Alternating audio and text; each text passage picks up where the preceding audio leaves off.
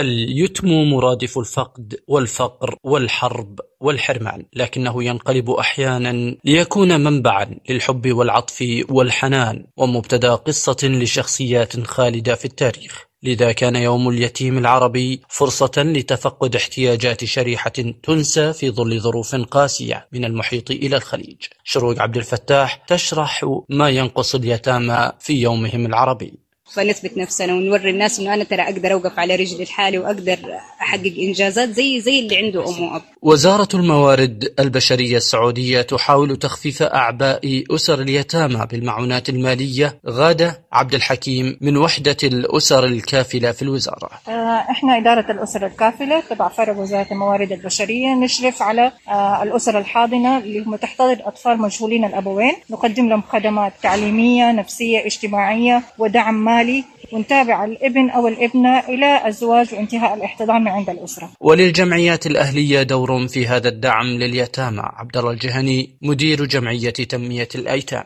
الجمعية ركزت على آه، العميل آه، أو المستفيد ونزلت إلى الميدان وقامت بلقاءات وورش عمل واستبانات حتى تصل للاحتياجات الحقيقية التي يريدها اليتيم وأم اليتيم. هدفها الوصول للأم راعية اليتيم التي تبني اليتيم وإلى آه، اليتيم. بدأت في آه، صنع المبادرات المشتركة بين اليتيم وأمه والجمعية وأطلقت هذه الشراكات بالشراكة بين الأطراف الثلاث وأصحاب آه، المصلحة والجهات المانحة والجهات الداعمة ودعم الأفراد واعتمدت هذه المبادرات من المركز الوطني. يدعم اليتامى بشكل لا يؤثر على قدرتهم على أن يكونوا جيلا طبيعيا بعد حين.